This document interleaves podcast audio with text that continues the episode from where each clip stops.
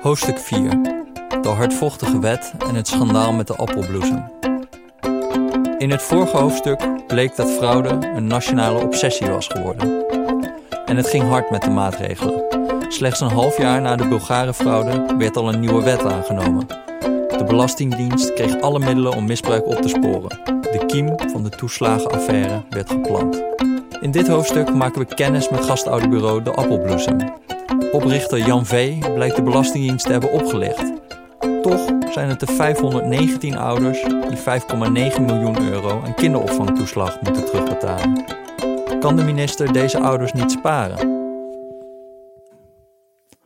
Het is het voorjaar van 2011 als Joyce ter Haar, werkzaam bij de HEMA en moeder van twee kinderen, een blauwe envelop ontvangt. 8800 euro moet terug, en wel nu. Ze weet meteen waar het mis is gegaan. Het is het gastouderbureau De Appelbloesem. Ze heeft er twee jaar eerder al over gelezen in de krant. De Belastingdienst deed onderzoek naar dat bureau en toen had ze haar kinderen er maar snel weggehaald. Maar nu, bijna anderhalf jaar na dato, krijgt ze alsnog post van de Belastingdienst. U had geen recht op kinderopvangtoeslag, lees ze. Joyce belt naar de belastingtelefoon, maar daar kan niemand haar verder helpen. Niemand heeft het overzicht. Kan ik niet ergens heen? vraagt ze. Kan ik niet ergens uitleggen hoe het is gegaan? Ze voelt zich geen oplichter. Ze heeft altijd hard gewerkt. Maar toch moet ze 8800 euro terugbetalen. Waarom? Jan V. dacht dat hij een maas in de wet had gevonden. Met de invoering van de kinderopvangtoeslag in 2005 kon een ouder voortaan geld krijgen als een gastouder op het kind paste. Een gastouder is een soort oppas. Jan V., een voormalig handelaar in verzekeringsproducten, zag de mogelijkheden. Ik stap over op de toeslagenhandel en ga daar stinkend rijk mee worden, mailde hij een collega. Hij begon gastouderbureau De Appelbloesem met een simpel idee. Bij menig ouder paste opa of oma op de kinderen. Jan V. zocht zulke ouders op en legde uit. Oma doet het nu voor niets, maar ze kan er ook een aardig zakcentje aan overhouden. En de appelbloesem trouwens ook. V voorzag informele opvang van formele contracten en voilà, kinderopvangtoeslag. Zo ging het ook bij Joyce. Haar schoonouders pasten al een tijdje op haar kinderen. Ze hadden het niet breed en haar schoonvader zat al jaren thuis met clusterhoofdpijn. Via via hoorden we toen dat je kinderopvangtoeslag kon aanvragen als je ouders oppasten, vertelt Joyce. Dat leek ons wel wat. Zo zouden haar schoonouders een vergoeding krijgen voor hun inspanningen. Zoals Jan V. en Joyce waren er velen. Na de invoering van de kinderopvangtoeslag wemelde het van de ondernemers die oppasoma's omkatten tot professionele gastouders. Binnen drie jaar vervijfvoudigde het aantal kinderen in de gastouderopvang. Bijna de helft van die groei kwam van het omzetten van onbetaalde opvang in betaalde gastouderopvang. Dat al dit ondernemerschap zo'n vlucht zou nemen, was niet voorzien. Of nou ja, het was wel de bedoeling geweest dat ook gastouders en niet alleen kinderopvanginstellingen konden rekenen op subsidie. Als de overheid dan toch kinderopvang ging financieren, zo vonden de christelijke partijen, dan moest ook de opvang in eigen kring geld krijgen. Achteraf klinkt het allemaal wat naïef, maar zo gek was dat niet. In principe was het voor ouders namelijk helemaal niet voordelig om gratis opvang te verruilen voor betaalde opvang. Je moest namelijk altijd een deel van de kinderopvangkosten zelf betalen, de zogenoemde eigen bijdrage. Als je arm was, hoefde je maar 4% van de kinderopvangkosten zelf te betalen. Als je rijk was, maar liefst 67%. Loesje ondernemers als Jan V. snapten dit. Ze wisten dat zij geen aantrekkelijk aanbod deden. Lieve ouders, je betaalt nu niets voor de opvang, maar moet dat straks wel doen. Vandaar dat Jan V. ouders voorhield dat ze bij zijn gastouderbureau geen eigen bijdrage hoefden te betalen. Wat de ouders niet wisten, was dat ze daarmee de wet overtraden.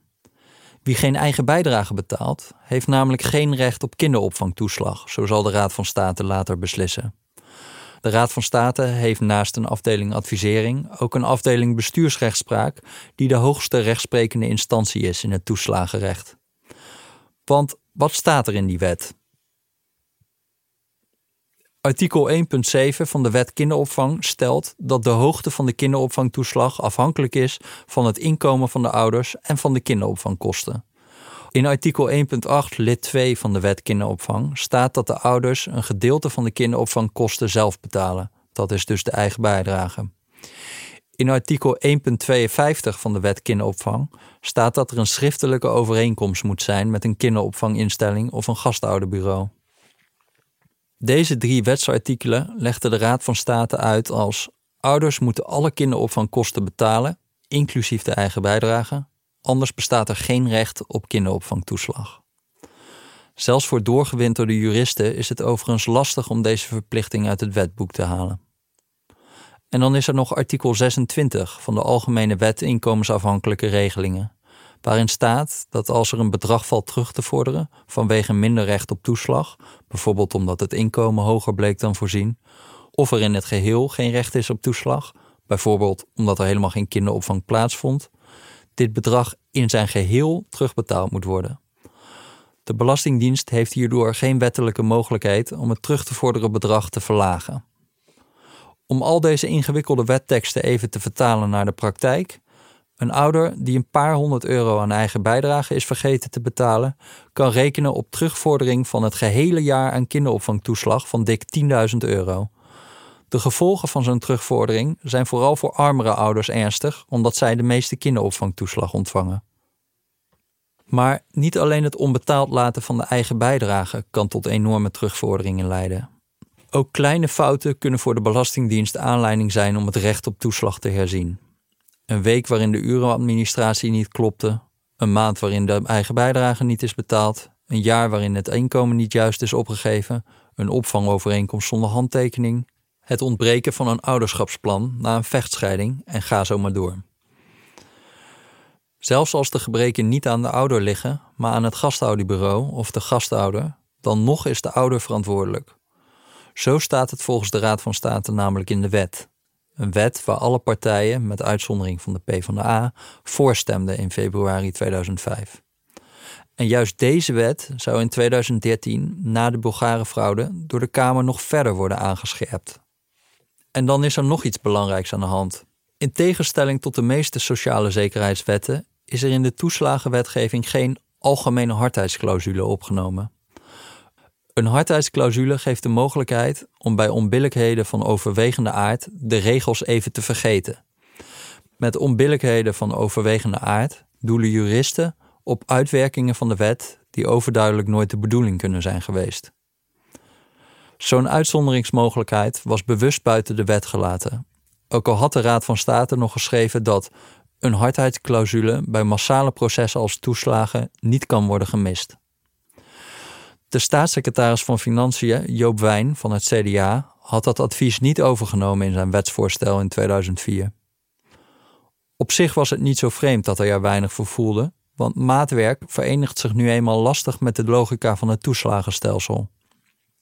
De afdeling toeslagen is een enorme fabriek die elke maand miljoenen burgers van geld moet voorzien. Zo'n klus moet zoveel mogelijk zijn geautomatiseerd en dat vergt kraakheldere regels. Zo gauw de criteria vaag worden, wat is in vredesnaam een onbillijkheid van overwegende aard, maak je het de computer moeilijk en wordt het mensenwerk. En mensenwerk, dat is veel te duur.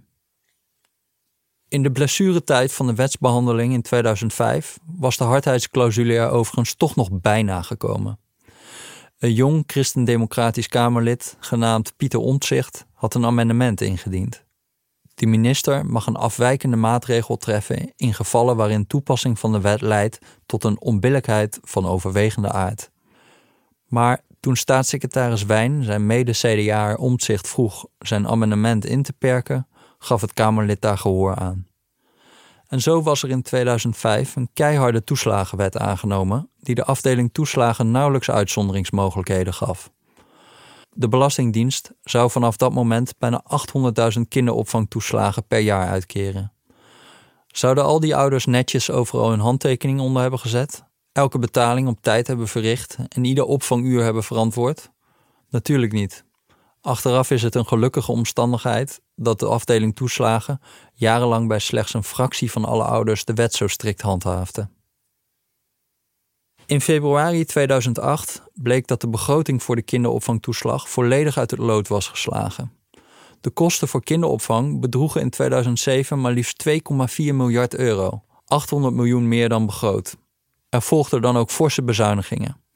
Ouders ontvingen voortaan minder toeslag en moesten een hogere eigen bijdrage betalen. Ook de opvang in familiekring werd aangepakt. De overheid had met het toestaan van gastouderopvang door familieleden een groot grijs gebied geschapen en nu was de Kamer gefrustreerd over de financiële gevolgen. Sommige partijen zouden toeslagen voor familieleden liefst verbieden, maar een rechts-links-christelijk verbond van PVV, SGP, CDA, ChristenUnie en GroenLinks hield dit tegen. In plaats van een verbod werden de naden en kieren van de wet dichtgetaped met nog meer regelgeving. Per 1 januari 2010 mochten oma's of opa's alleen nog gastouder zijn als ze zich inschreven in het Landelijk Register Kinderopvang, een MBO-2-diploma hadden, een EHBO-certificaat bezaten en met het evaluatieformulier Veiligheid en Risico aantoonden dat ze gekwalificeerd waren om op hun eigen kleinkinderen te passen. Het formulier wees op het gevaar van verwarmingen, stopcontacten en de noodzaak van een vluchtplan. Gastouderbureaus kregen een grotere rol toebedeeld. Een ouder moest voortaan de eigen bijdrage en de volledige kinderopvangtoeslag aan de bureaus overmaken, die het vervolgens, na inhouding van bemiddelingskosten, weer overmaakten naar de gastouders. Waarom moest het zo? Eerder mochten ouders ook rechtstreeks de gastouders betalen, maar toen had de Belastingdienst geen zicht op de geldstromen. Het was niet na te gaan wie, wanneer, wat had ontvangen en waarvoor.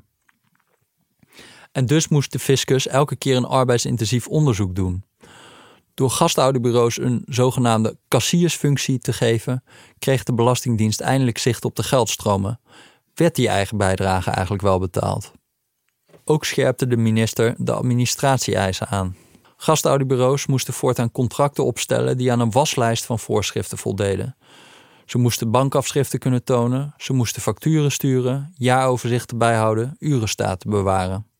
Als dat niet correct gebeurde, was er geen sprake van een geldige overeenkomst en dus ook geen recht op kinderopvangtoeslag. Met al deze nieuwe maatregelen legde de overheid de basis voor het volgende probleem. Ouders raakten afhankelijk van de gastouderbureaus, die lang niet altijd even professioneel waren en soms misbruik maakten van goedgelovige ouders. Toch lagen alle consequenties, mochten er administratieve gebreken zijn, bij de ouders die overeenkomsten, facturen en urenstaten aan de Belastingdienst moesten overleggen. Het mogen duidelijk zijn, het toeslagenstelsel werd er met de nieuwe wetgeving niet eenvoudiger op. De Raad van State wees er in zijn advies op dat er door de toename van de complexiteit van het stelsel een negatieve spiraal dreigt van regels op regels. Zelfs voor ingewijden werd de kinderopvangtoeslag abracadabra, laat staan voor ouders. En het was al tamelijk onafvolgbaar, zo blijkt wel in de zaak van de appelbloesem.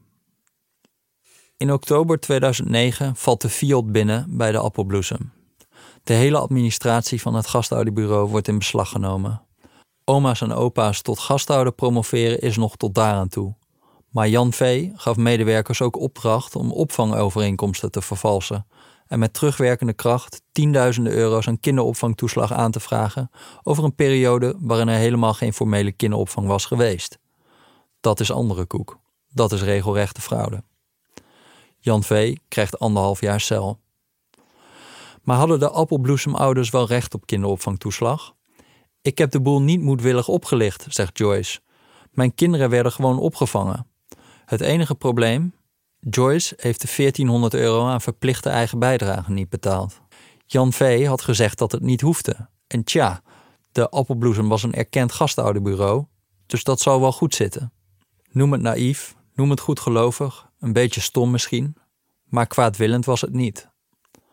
Als die eigen bijdrage het probleem is, dan willen wij die best alsnog betalen, zegt Joyce. Het mag niet baten. Als de zaak van de appelbloesem aan het licht komt, is ook voor de afdeling toeslagen van de Belastingdienst nog niet precies duidelijk hoe om te gaan met mensen die de eigen bijdrage niet betalen.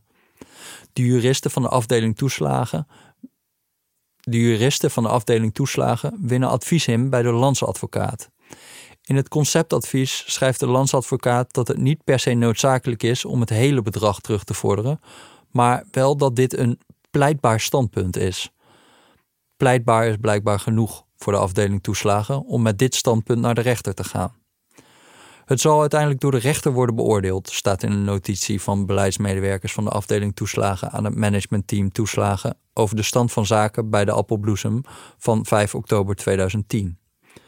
De Belastingdienst toeslagen vindt dat moet worden doorgezet, ook omdat hiermee zichtbaar grenzen worden gesteld en de jurisprudentie wordt gevormd, schrijven ze.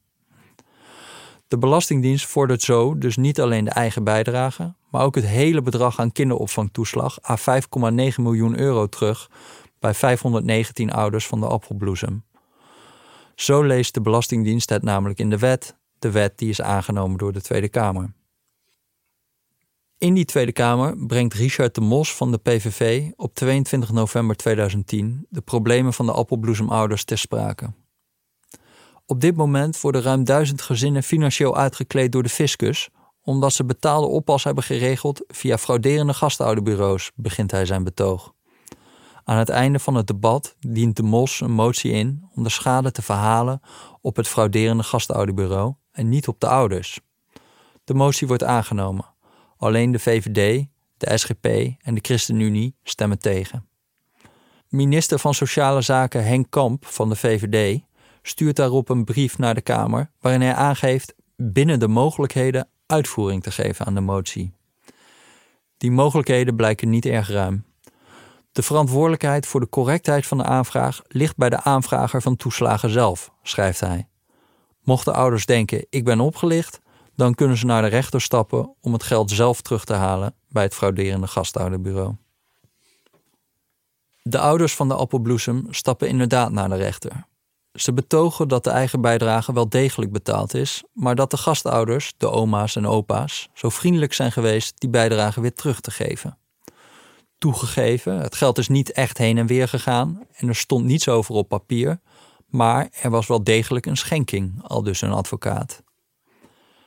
De rechter geeft de ouders ongelijk. Hun advocaat laat het er niet bij zitten en gaat namens de ouders in hoger beroep bij de Raad van State. Het is een cruciale zaak en ambtenaren van de Belastingdienst zijn ineens bevreesd voor de gevolgen, indien de rechter het harde standpunt dat ze zelf twee jaar eerder hebben ingenomen bevestigt. Ze waarschuwen staatssecretaris Frans Wekers in oktober 2012 dat een uitspraak in het voordeel van de Belastingdienst maatschappelijk en publicitair enorme gevolgen kan hebben. De staatssecretaris onderstreept de tekst. Ouders zullen volgens de ambtenaren mogelijk grote bedragen ter hoogte van één of twee maal hun jaarsalaris moeten terugbetalen. Terwijl het volgens zijn ambtenaren de vraag is of deze ouders zich bewust waren van het feit dat dergelijke constructies waarbij geen eigen bijdrage wordt betaald tegen de wet indruisten. Het lijkt de ambtenaren dan ook onverstandig om deze regels te handhaven. Zij adviseren Wekers om iets anders te verzinnen. Stemt u in met de voorgestelde aanpak om terugvordering tot de hoogte van de eigen bijdrage te beperken? Ja, krabbelt Wekers in de kanlijn. De ambtenaren geven bij die oplossing wel vast een waarschuwing mee. Dit wordt ingewikkeld. Het beperken van de terugvordering vormt volgens de ambtenaren namelijk een mogelijk ontoelaatbare oprekking van het wettelijk kader met vergaande gevolgen. Wat twee jaar eerder nog begon als een interpretatie van de wet door de juristen van de Belastingdienst, is inmiddels door bevestigende uitspraken van de rechter gestold tot wettelijk kader. Afwijken van de lijn die in gerechtelijke uitspraken is bevestigd, is nu moeilijk. Een hardheidsclausule zou hier van pas zijn gekomen, maar die is er ook niet. En dus, zeggen de ambtenaren van Financiën, moet er eerst toestemming worden gevraagd aan het ministerie van Sociale Zaken en Werkgelegenheid. Wat wil het geval? De Belastingdienst is slechts de uitvoerder van de kinderopvangtoeslagwet, maar het ministerie van Sociale Zaken en Werkgelegenheid gaat over de wet zelf. Bij dit soort grote beslissingen dient het ministerie van Financiën, waar de Belastingdienst onder valt, eerst overleg te plegen met sociale zaken.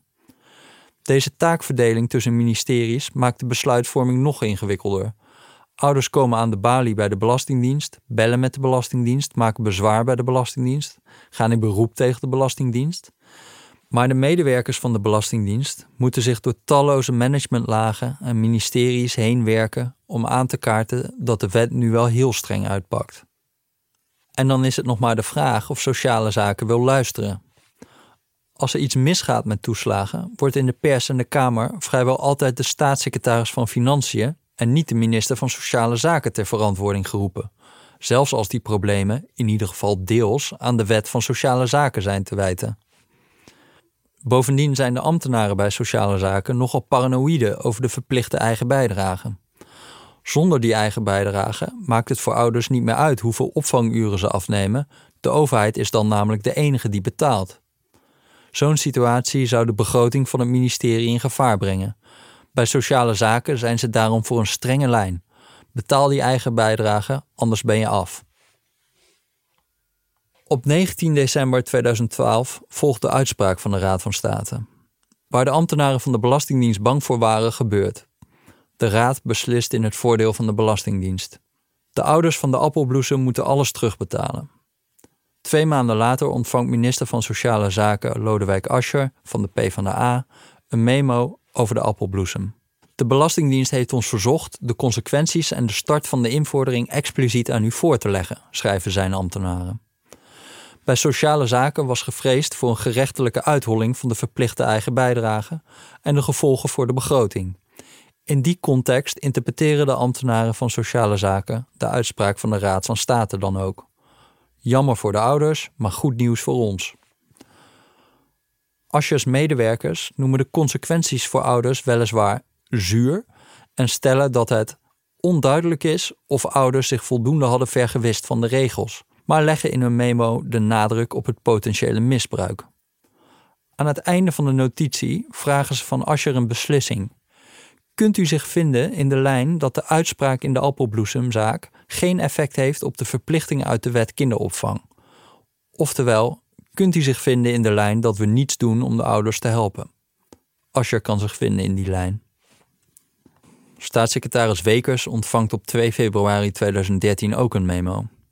Zijn ambtenaren hebben vernomen dat consumentenprogramma Radar bezig is met een uitzending over de appelbloesem.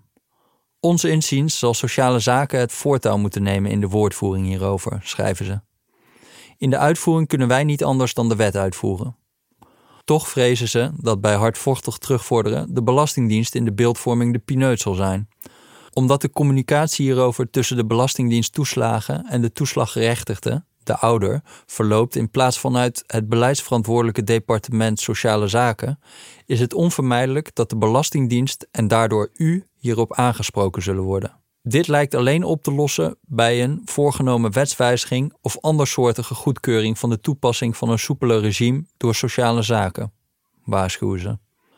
De ambtenaren komen terug op hun eerdere voornemen om de terugvordering te matigen. Daar zien ze nu geen mogelijkheden voor. In tegenstelling tot onze eerdere adviezen is ons advies nu om in lijn met de uitspraak van de Raad van State de wet te volgen en dus de terugvordering niet te beperken tot de hoogte van de eigen bijdrage. Stemt u daarmee in? Wekers schrijft ook hier in de kantlijn ja. Op 8 april 2013 volgt nog een memo aan Wekers, waarin de laatste stand van zaken met de staatssecretaris wordt gedeeld.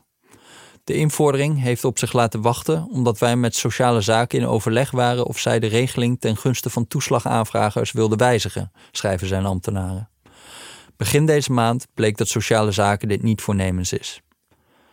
Niet erg sterk dat dit vier maanden heeft moeten duren, schrijft Wekers in de kantlijn. Op 28 mei 2013 de dag waarop ook het managementteam fraude voor het eerst samenkomt, vindt een overleg plaats tussen directeur-generaal van de Belastingdienst Peter Veld en Maarten Kamps, directeur-generaal werk van Sociale Zaken en Werkgelegenheid. De invordering bij de appelbloesemouders is dan nog steeds niet opgestart.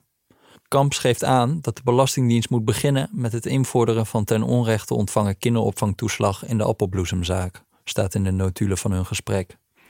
Peter Veld ziet dat niet zitten Veld verwacht veel onvrede bij de mensen die het betreft. Kamps houdt de rug recht en is van mening dat desondanks de invordering moet starten, zo staat in de notulen. Kamps geeft aan dat de uitspraak van de Raad van State de Belastingdienst handvaten biedt om in vergelijkbare zaken handhavend op te treden. Verderop in het gesprek zal Kamps nog aan Veld voorstellen om een nieuwe business case op te stellen om nog meer geld met fraudebestrijding op te halen voor sociale zaken. Minister Ascher krijgt een week later bericht over het gesprek in een vergadering met zijn staf. Directeur-generaal Werk heeft conform uw eerdere standpuntbepaling in deze instemming gegeven aan het starten van de invordering door de Belastingdienst.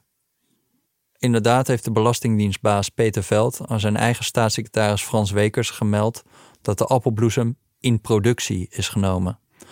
Dat wil zeggen, honderden ouders krijgen te maken met invorderingen van soms tienduizenden euro's, invorderingen die hen tot wanhoop zullen drijven.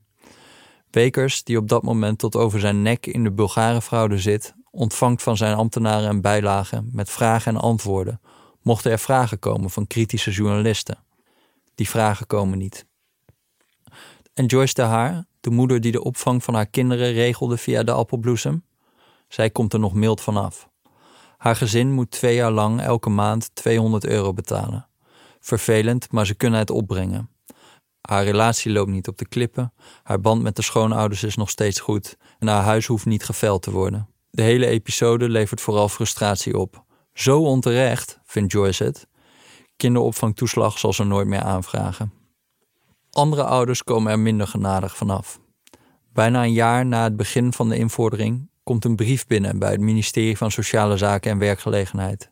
Het is een smeekbede van een oma van een van de kinderen bij de appelbloesem. Haar dochter moet 30.000 euro terugbetalen nadat ze de rechtszaak verloor. Ze richt zich tot minister Ascher. Kan hij alsjeblieft helpen? Ascher, of een ambtenaar die zijn naam gebruikt, schrijft haar een brief terug. Het spijt mij te vernemen dat het moeten terugbetalen van het genoemde bedrag zo'n schaduw werpt over het gezinsleven van uw kinderen. Hij legt uit dat hij slechts verantwoordelijk is voor wetgeving. Ik heb nog de bevoegdheid, nog de mogelijkheid op te treden in individuele situaties. Rest mij u en uw kinderen het allerbeste te wensen, eindigt de brief.